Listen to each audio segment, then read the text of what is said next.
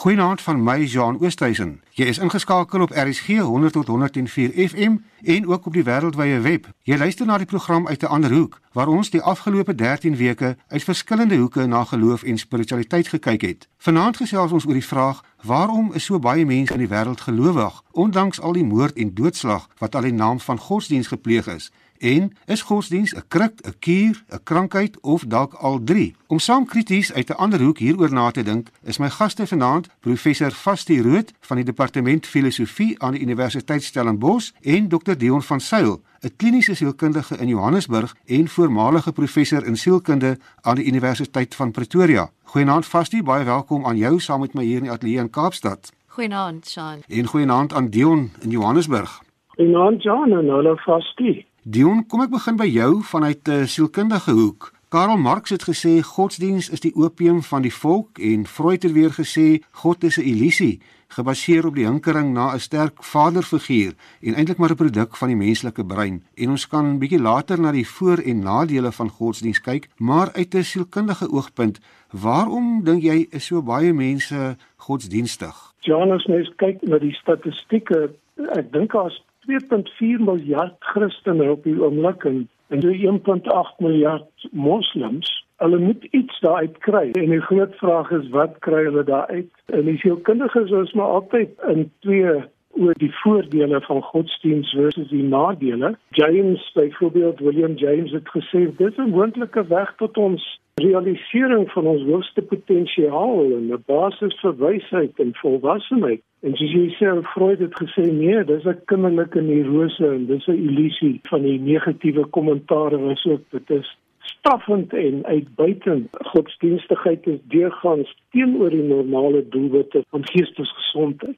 Vas jy die vraag waarom mense glo fascineer denkers en filosowe al vir baie eeue. Wat is die groot verskil tussen godsdiens en filosofie want albei soek op een of ander manier na antwoorde op moeilike vrae en party mense sien selfs geloof as 'n tipe filosofie. Mense moet op twee maniere daarna kyk. By een manier sou jy kon sê dat godsdienst en filosofie is gemoeid met dieselfde soort vrae, vrae na sin, betekenis, die oorsprong van waardes ensovoorts. As ek vinnig moet sê wat die verskil is tussen die twee, sou ek sê op een of ander stadium in die godsdiens kom daar 'n einde aan die vraagstelling. Daar word 'n streep getrek en daar word berus by 'n finale antwoord. Terwyl die filosofie, alhoewel dit met dieselfde soort vrae begin, nooit berus by 'n finale antwoord nie. So daar is 'n soort van 'n selfkritiese omgang met die vraag na sin en betekenis wat ek dink in die hart van die filosofie lê en wat dit anders maak as die godsdiens. Dion, maar niemand van ons word tog gelowig gebore nie en tog is slegs sowat 16% van die wêreld se bevolking nie op een of ander manier gelowig gelowig nie. Is daar 'n natuurlike behoefte by die mens dink jy om gelowig te wees of is dit 'n aangeleerde verskynsel en die produk van evolusie en party mense sê selfs dit is 'n bonatuurlike gawe? Die filosofie behou die oop vraag, maar die wetenskap ook. Daar's nie finale antwoorde nie en die wetenskap eksploreer ook die hele tyd. Jonathan Haidt van New York Universiteit het byvoorbeeld 'n antwoord op jou vraag nou gevind dat 'n mens word gebore met sekere boustene.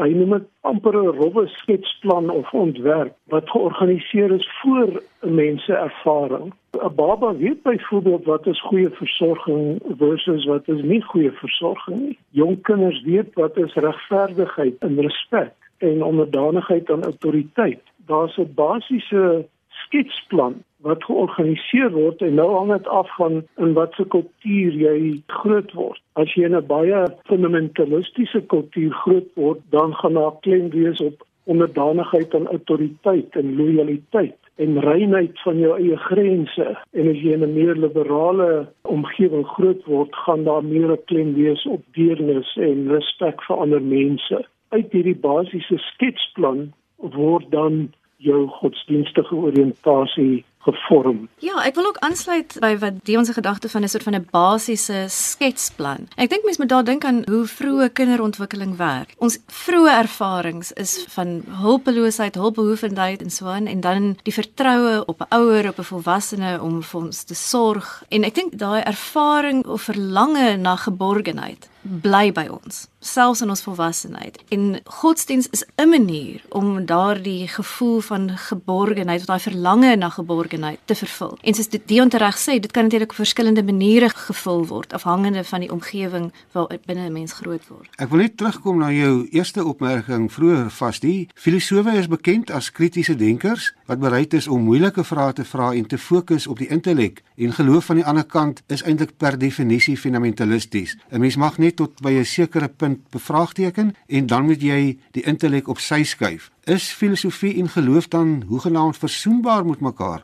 of is dit totaal twee verskillende dissiplines? Dit sal afhang van watter soort filosofe jy vra. So daar's 'n hele area van filosofie, godsdienstfilosofie waar filosofe hulle self inderdaad bemoei met vrae rondom die bestaan van God en die aard van religieuse taalgebruik ensovoorts. As jy aanneem dat iewerste moet vraagstelling ophou, dan lyk dit vir my asof op 'n sekere manier is godsdiens en filosofie op 'n diep vlak nie finaal versoenbaar nie. Nadat ek dit gesê het, laat ek dan byvoeg Dit is moontlik, sou ek dink, om godsdienstig te wees, om 'n vorm van geloof te bedryf op 'n soekende, vraende, nie fundamentalistiese manier nie. So ek dink daar is ruimte vir so 'n soort van godsdienstbeoefening en daardie soort godsdienstbeoefening dink ek nie staan volledig teenoor die filosofie nie, maar dit is waar dat histories was die twee en nog steeds is hierdie twee soort dissiplines eintlik redelik in oppositie met mekaar. Die ons leef in 'n wêreld met soveel nuwe kennis op tegnologiese gebied, wetenskaplike gebied ensovoorts en tog is daar baie intellektuele mense wat steeds diep godsdienstig is en baie van hulle glo steeds in goed soos die maagtelike geboorte en wonderwerke en baie ander voorwetenskaplike goed in die Bybel wat wetenskaplik eintlik geen sin maak nie. Waarom uit 'n sielkundige oogpunt dink jy is dit asof selfs geleerde mense dikwels hulle intellek eintlik eenkant toe skuif as dit by geloof kom? Die studies toon duidelik dat geloof en die belewing van 'n uh, sogenaamde geestelike ervaring is eintlik meer die emosionele deel van die brein en die beloningsnetwerk van die brein wat geaktiveer word. Hulle het byvoorbeeld op mense breinskanderings gedoen op hormone en vir hulle gesê druk net 'n knoppie wanneer die gees julle beweeg daai dele van die brein wat dan normaalweg geaktiveer word as jy gemotiveer is om iets na te streef en as jy beloon word uh, hulle noem dit die dopamine ontsluitingsnetwerk. Dit word geaktiveer tydens so 'n ervaring. En dit is die teenoorgestelde van kritiese denke en jou kognisie en jou, jou hoër intellek. Godsdienst verlig ook 'n mens se angstigheid en dit is uh, baie belangrik vir mense as hulle angstig voel om verligting te vind op 'n of ander manier. As baie studies wat wys dat sodra mense 'n uh, hoër vlakke van angs beleef, dan wil hulle meer beheer en kontrole hê en dit is wat godsdienst dan vir hulle bring. Vastie Napoleon het gesê godsdienst is 'n uitstekende middel om die gewone mens meer rustig te hou. My vraag is, maak geloof mens nie dikwels lei om vir jouself te dink nie is dit nie een van die gevare nie. Die redenasie van party mense wat sê the bible tells me so that settles it hoor mens dikwels ek dink dit is 'n gevaar weer eens dit sou te ver gaan om te sê dit is eenvoudig waar van alle forme van godsdienstbeoefening, alle forme van geloof ten alle tye. Maar ja, ek dink 'n kernaspek van die menslike bewussyn, van die menslike denke, is die vermoë om te midde van waarmee ons besig is in ons alledaagse waardes en projekte en so aan, te stop en te vra maar maak dit sin? Wat is die sin en die waarde hiervan? En enige antwoord wat ons op hierdie vraag gee sou ons op sigself weer kon bevraagteken wat godsdiens doen is om iewers te soos ek vroeër gesê het 'n streep te trek onder hierdie vraagstelling. Maar dit is eintlik net 'n soort van 'n voorlopige rustigheid van dit bring. Want eintlik wat dit doen is om te sê hier is iets wat ek nie verstaan nie. Ek kan nie volledige greep kry op die sin van die werklikheid op die sin van my lewe die waarde van waarmee ek besig is nie. En nou verduidelik ek daardie sin en waarde aan die hand van iets anders wat ek ook nie verstaan nie. Die onverstaanbare plan wat God het vir my lewe. Ja, ek dink daar is 'n gevaar. Ek wil definitief daarby vas die aansluit dat sodra die mens se gevoel van persoonlike beheer of sy sin van eie kontrole bedreig word, het hulle gevind dat hulle toenemend hulle self wend tot eksterne bronne van beheer wat dan godsdiens insluit. Want die mens sukkel om toevalligheid en lukraakheid en chaos te hanteer en wil dit en alle koste vermy. Wanneer mense 'n tekort aan beheer beleef, dan toon hulle 'n beduidende toename in die waarneming van denkbeeldige patrone dan skep hulle samelewingskomplotte of samesweringskomplotte en verbeelde figure en bygelowe en rituele en trek baie keer verbande waar daar nie verbande is nie en dit gee vir mense sekerheid. Dis een manier om dit te doen en natuurlik speel godsdienst 'n groot rol daar. Ek stem saam met jou Dion, ek daar's hierdie probleem wat eintlik soort van ingebou is in die menslike kondisie en dit is die ervaring van onsekerheid, die ervaring van as jy te veel vra, vra kom jy agter daar is nie grond onder jou voete nie. Dis 'n onontkombare aspek van ons menswees, maar dit is ook moeilik om daarmee saam te leef en ek dink dit is juis soos jy sê, dit wat ons dryf om te ontvlug van hierdie onsekerheid en dan 'n plan, 'n verhaal, 'n komplot, 'n groter verduideliking van dit alles te probeer vaslê. Dion van die topwetenskaplikes in die wêreld glo net 'n baie klein persentasie aan God en by Nobelpryswenners kom godsdienstigheid omtrent glad nie voor nie met hier en daar 'n uitsondering miskien soos biskop Tutu en so aan. Maar kan 'n mens sê slimmer mense is dan oor die algemeen minder godsdienstig as minder slim mense? Is daar 'n korrelasie tussen IQ en wetenskaplike kennis en die manier hoe 'n mens glo? Alle gelowiges is tog nie dom nie. Ja, hulle is minder godsdienstig, maar dit beteken nie dat hulle nie diep sinnige ervarings kan hê nie wetenskaplikes kyk na die kosmos en staan in verwondering. Mense wil dit nou nie skepping noem en daai sin nie, maar die wonder van die lewe en die natuur van die makro tot die mikro en dit gee vir hulle 'n belewenis van verwondering wat baie keer as godsdienstig gesien word of spiritueel gesien word, maar eintlik nie is nie. Vastie, dink jy daar's 'n korrelasie tussen sê maar IQ, wetenskaplike kennis en die manier hoe mense glo? Sou nie myself wil uitlaat oor Ika nie. Wat ek wel sou sê is ten minste histories het godsdiens baie keer antwoorde verskaf op die soort vrae wat nou in die wetenskap gevra word en waarop daar inderdaad antwoorde binne die wetenskap bedink word of wel ontdek word. Ek dink hoe meer 'n mens weet van die wetenskap en hoe meer toegang jy het tot die antwoorde wat dit jou bied, hoe meer raak insoverre jy dan nog in God glo, raak dit soos wat mense in Engels sê, a god of the gaps. So dis die God wat eintlik dan nou net nog in die gaap gapings wat nog nie deur die wetenskap gevul is nie bestaan. Maar dit beteken nie dat uiteindelik gaan die wetenskap alles antwoord nie. Ek dink dat in die hart van die werklikheid is en bly daar 'n onoplosbare, onontkombare misterie. Waarom is daar iets en nie niks nie? Waarom is die werklikheid soos dit is? Dit is iets wat jy nie binne die wetenskap beantwoord nie. Dit beteken ook nie die antwoord is God nie. Ek dink die antwoord is dit is 'n onoplosbare misterie. En ek dink weer eens soos wat Dion gesê gesê het, ek dink daar's baie wetenskaplikes wat daardie basiese insig sou deel. Dion en vas die hoop is tog eie aan die lewe self en geen mens kan sonder hoop leef nie. Selfs die Bybelse narratief sentreer rondom hoop en Paulus praat van geloof, hoop en liefde. Maar Dion, kan geloof of religie mense help om meer hoopvol te leef? Is dit een van die voordele van geloof? Is dit byvoorbeeld wat 'n mens 'n kruk kan noem? Ja, dit is seker die grootste voordeel van godsdiens aan die een kant, maar ook sy grootste nadeel. Gesonde hoop is as jy vir mense 'n doel gee wat hulle voel hulle kan bereik en dan ook roete en middele om by daai doel uit te kom. Dit is hoop. As jy net die doel het sonder die roete, dan is dit wensdenkery. En die ou Israeliete en Jode het altyd nou hoop gekry deur die beloofde land. Dit was die doel en die middele was gehoorsaamheid aan die wet. Dit het hulle help oorleef want daar was soveel van die groter ryke soos die Assiriërs en Babiloniërs en Perse en Grieke en so aan wat hulle probeer oorheers het en hulle was die kern in die geskilpunt rondom hierdie groot ryke.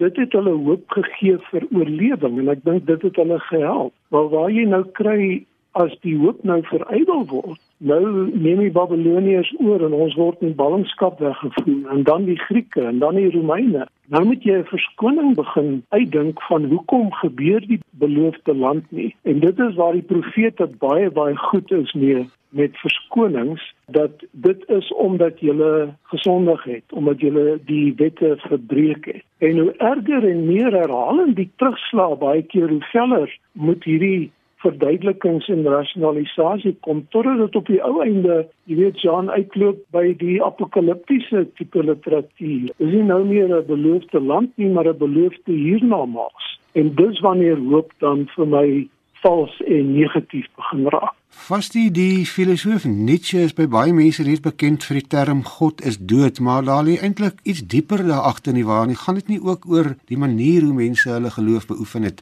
wat hom dit laat sê het nie? Nietzsche self het nêrens ooit self gesê God is dood nie. Dis eintlik net ander mense wat hy aanhaal of karakters wat hy uitdink en in wie se monde hy dan hierdie stelling lê. Tweedens is die stelling eintlik nie net God is dood nie, maar God is dood en ons het hom doodgemaak. Mense gee nooit die tweede helfte van die aanhaling nie. En Nietzsche daarmee bedoel is wat dood is is 'n spesifieke mensgemaakte idee van God. Hy spreek homself nie uit oor die bestaan van 'n godheid nie. Waar hy homself uitspreek is 'n opvatting van God. Hy noem dit soort van die Christelike moralistiese God as so 'n eksterne kwaai vaderfiguur wat buite hierdie wêreld staan en aan die hand waarvan alles binne die wêreld waarde en betekenis het. En Nietzsche se kritiek is dat hierdie manier van dink aan God is eintlik ten diepste volledig nihilisties. In die sin dat dit begin met die aanname dat die wêreld soos dit is, die werklikheid soos ons dit ervaar, het absoluut geen waarde. Niks het waarde en betekenis nie. Alle waarde en betekenis van wat ons ervaar in ons alledaagse lewe kom van God. En uiteindelik, as jy waarde en betekenis in die vorm van God uit die werklikheid uithaal,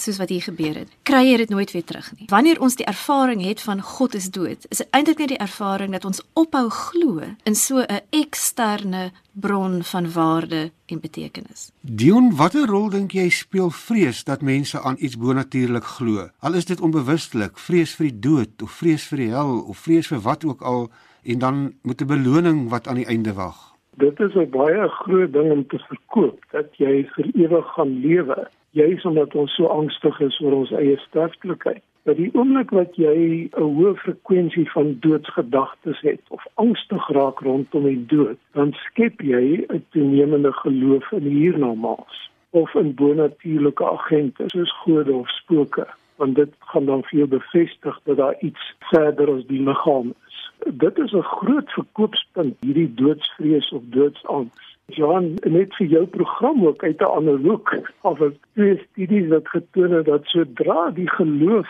van godsdienstige persone uitgedaag in die vorm van inligting omtrent die inkonsekwenthede in die Bybel of argumente oor evolusie of wat ook al, dan neem die frekwensie van negatiewe doodsgedagtes en ooreenstemmende angstigheid toe.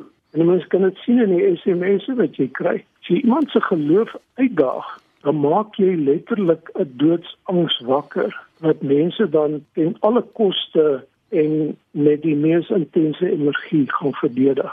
Vas die vrees vir die dood en vra oor die dood, dis ook iets waaroor filosowe al oor eeue heen wonder en oor praat. Natuurlik is die vrees vir ons eie sterflikheid 'n groot motivering om 'n alternatief te bedink, 'n soort van 'n onsterflike toekoms. Die filosoof Hannah Arendt het gesê eintlik is die geskiedenis van die westerse filosofie 'n geskiedenis van 'n klomp mans wat almal dink oor die dood en hulle self bekommer daaroor. Sy het weer sê, maar ons moet ophou onsself bekommer oor die dood en eerder begin dink aan geboorte, aan soort van die moontlikheid om iets nuuts te begin in die wêreld waarbinne ons onsself bevind, eerder as om die heeltyd afgestem te wees op die eindigheid van ons bestaan. En ek dink dit sluit aan by Jean Reg aan die begin het jy verwys na Marx en godsdienst as die opium van die mense. Die hele aanhaling is religion is the sigh of the oppressed creature, the heart of a heartless world and the soul of soulless condition conditions. It is the opium of the people. En Marx se punt is mense wend hulle self na godsdiens ook wanneer hulle sosiale omstandighede van so 'n aard is dat dit volledig uitsigloos is. En dan lyk godsdiens asof dit hoop bied nie in hierdie wêreld nie, maar in die wêreld wat kom. En Marx se punt is ons moet hierdie wêreld omvorm sodat mense minder noodsaak het om hulle hoop te plaas op 'n hiernamaals en 'n beter toekoms. Dion, maar as ons sê geloof is 'n kruk, dan moet ons seker ook daarom billik wees en vra of dit nie ook 'n kuur kan wees nie want daar was ook studies wat toon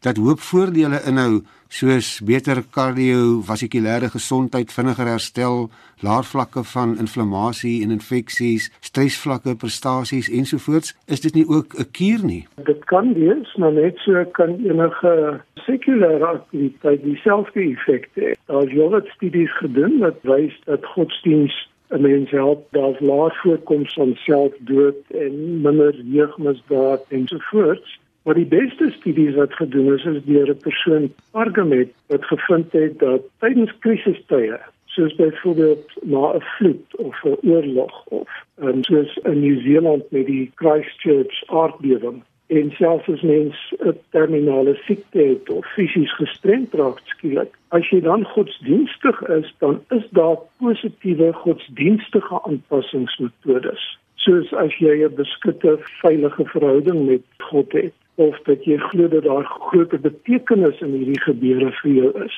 dat dit 'n geleentheid is om lesse te leer. Maar insgelyks is daar ook negatiewe godsdienstige aanpassingsmetodes. So jy onder hierdie omstandighede van krisis, uh, soos Vastin nou gesê het, autoritaire straffende God sien wat my nou straf, dan is dit baie sleg vir jou geestesgesondheid. En as jy ook 'n passiewe verwagting het dat God die stresor sal verlig, of soos ons dan gesê het onheilspellende bedreigde siening van die wêreld paranoia oor apokalips en so aan ontwikkel daai negatiewe godsdienstige aanpassingsmetodes is baie sleg vir jou geestesgesondheid. Vas die stem saam dat 'n mens kan ook hoopvol wees sonder om noodwendig aan 'n bonatuurlike wese te glo Ek sal verder gaan en self sê dat soos ek vroeër gesê het, ek dink dat die menslike kondisie is inherënt een van onsekerheid waar daar nie vaste grond onder ons voete is nie, maar dit is nie 'n rede tot wanhoop. Ek dink ons is juis geneig tot wanhoop wanneer ons dink dat daar behoort vaste grond te wees, dat daar behoort 'n finale antwoord te wees. Op 'n vreemde manier is die soeke na sekerheid 'n oorsaak van wanhoop, terwyl wanneer ons aanvaar dat 'n sekere soort sekerheid ons nie beskore is nie, is dit eintlik makliker om die werklikheid die lewe te aanvaar soos dit is sonder om nou net eenvoudig boedel oor te gee maar dat ons nie dink dit is nodig dat daar 'n finale waarborg is van alles waarvoor ek omgee alles wat vir my saak maak vir my om 'n sinvolle bestaan te kan voer nie. Mense raak baie emosioneel wanneer dit oor godsdiens gaan en ek sien dit ook in die reaksie op hierdie program soms Dion en jy het nou daarna verwys en selfs baie ateëste vind dit moeilik om onemosioneel ongelowig te wees as mens dit so kan stel. Waarom dink julle is daar so soveel emosie betrokke by geloof? Ek dink omdat dit juis so baie vir ons help om ons diepste vrese en angstighede te kan hanteer, is dit iets wat 'n emosionele saak is. En hoe ons groot geword het, die hele autoriteit en onderdanigheid aan autoriteit en so aan. En mense raak emosioneel daaroor, hulle raak kwaad as hulle in weerstand kom teenoor dit. Mens kry baie keer dat die ateïste is kwaad. Jy kry die gevoel hulle is aggressief. So dit is 'n emosionele saak. Godsdienst is inderdaad 'n emosionele saak. En ek hou van wat Vastie ook gesê het dat wanhoop eintlik geskep word deur soeke na sekerheid. As ons net bytelmal bietjie ons eie onsekerheid kan aanvaar, dink sommige digters noem dit 'n negatiewe kapasiteit. Aanvaar jou angstigheid, omvorm dit, voel dit sonder om vinnig te spring na maklike oplossings en klisjées. Vas dit die emosionele reaksies van baie mense wanneer dit oor godsdiens gaan? Ek dink die mense is gelowig omdat jy jouself op 'n koel, cool, kliniese, rasionele manier daarin geargumenteer het nie. Dit is 'n emosionele verbintenis eerder as 'n intellektuele een en wanneer dit om daardie soort van verbintenisse gaan, dan raak ons kwaad, ons raak hartseer, ons raak ontstel. Dit is nie 'n koel kliniese argument nie en ek het begrip daarvoor en ek dink ook 'n mens moet hierdie gesprekke op 'n sekere manier voer en ek is nogal krities oor die sogenaamde die new atheists, die nuwe ateïste Richard Dawkins en Sam Harris en daai mense wat op so 'n uh, eintlik 'n aanvallende manier praat oor godsdienst en ek self ook emosioneel betrokke raak by hierdie gesprek. Ek dink net dit is nie die manier om enige iemand te probeer oortuig nie of om met gelowige mense te praat. Ons moet afsluit en ek wil graag ten slotte vir elkeen van julle so half van 'n filosofiese vraag vra. Wat dink julle, sou die wêreld 'n beter of 'n slegter plek wees sonder religie? Sou dan nie dalk meer vryheid en humaniteit wees sonder geloof nie of sou ons dalk slegter daaraan toegewees het? Ek dink ons sal beter daaraan toe wees as ons minder fundamentalistiese godsdiens is 'n krankheid. Minder valse hoop, minder ontkenning van ons eie sterflikheid, minder autoritaire straffende godsfigure, dan sal die wêreld beter daaraan toe wees. Maar vir hoop in krisistye en verligting van angs en so aan. Daardie deel van godsdiens is my wel iets op ek geestesgesondheid in die hand kan werk. Vas die laaste woord van jou, dink jy die wêreld sou 'n beter of 'n slegter plek gewees het sonder godsdiens? Die wêreld sonder fundamentalistiese godsdiens waar godsdiens eintlik gebruik word as 'n stok om ander mee te slaan, om jou eie superioriteit te bevestig teenoor die inferioriteit van ander, om die wêreld te probeer omvorm na jou eie belange. Ja, ek dink die wêreld sal beter wees sonder hierdie soort van fundamentalisme. Aan die ander kant dink ek dat geloof godsdienstbeoefening is universeel menslike respons op die ervaring van verwondering in die lig van die misterie van wat daar is. Ek dink nie die wêreld sou beter daarin toe wees sonder daardie sin van verwondering nie. Dit hoef nie via godsdienst in die wêreld te kom nie, maar dit is wel een roete waarop ons hierdie sin van verwondering kan uitspreek. En dit is ook 'n bron van soveel wat wonderbaarlik is in die menslike geskiedenis van kuns, van musiek, van ons waardering van die natuur. So ek sal definitief nie dit wil een kant toe skuif nie, maar ek stem absoluut saam met Dion. Fundamentalistiese godsdiens in alle forme is slegs 'n negatiewe impak op ons lewens. Baie dankie aan my gaste, professor Vastie Rood van die departement filosofie aan die Universiteit Stellenbosch en aan Dr Dion van Sail, 'n kliniese sielkundige in Johannesburg en voormalige professor in sielkunde aan die Universiteit van Pretoria. Jy het geluister na die laaste program in hierdie reeks waar ons die afgelope 13 weke uit 'n ander hoek gesels het oor geloof en spiritualiteit. As jy jou mening wil gee, besoek ons Facebookblad uit 'n ander hoek. My e-posadres is jean@gmail.com. Al die programme van al 5 reekse tot dusver kan ook as potgoeie afgelaai word op RSG se webwerf by rsg.co.za. Van my Jean Oosthuizen, baie dankie aan almal wat al die afgelope 65 programme saam met ons gekuier het net hier op RSG 100 tot 104 FM. Goeienaand en geniet die res van jou naweek.